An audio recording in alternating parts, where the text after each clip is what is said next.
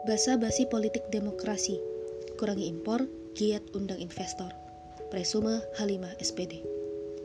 Menko Bidang Kemaritiman dan Investasi, Luhut Binsar Panjaitan menyatakan, Pak Jokowi menyampaikan arahan agar produk dalam negeri berjaya di dalam negerinya sendiri, sehingga ingin mengurangi impor.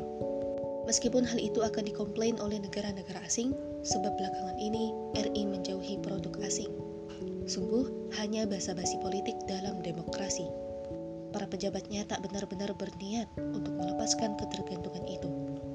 Ada satu keyakinan yang menjadi landasan sistem ekonomi kapitalisme untuk mengatasi kelangkaan relatif barang dan jasa, yaitu meningkatkan jumlah produksi. Bagaimana caranya?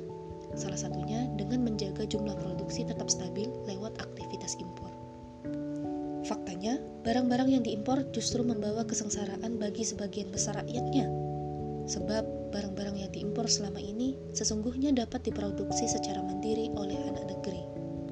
Maka omong kosong jika pejabat negara akan mengurangi impor.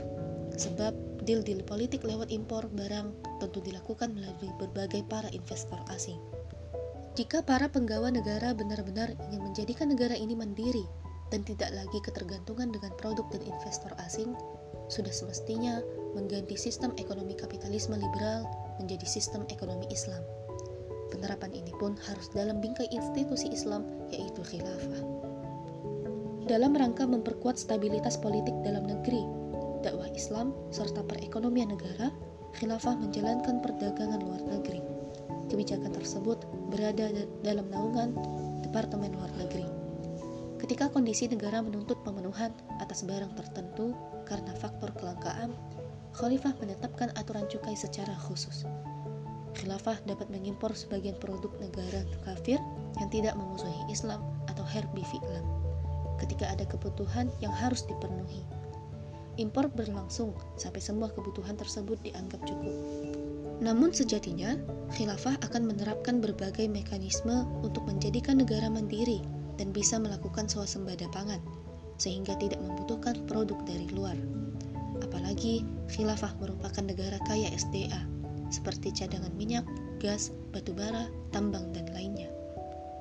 Alhasil, negara lain yang berupaya menjalin hubungan dagang dengan khilafah akan bersedia menggabungkan diri dengan khilafah.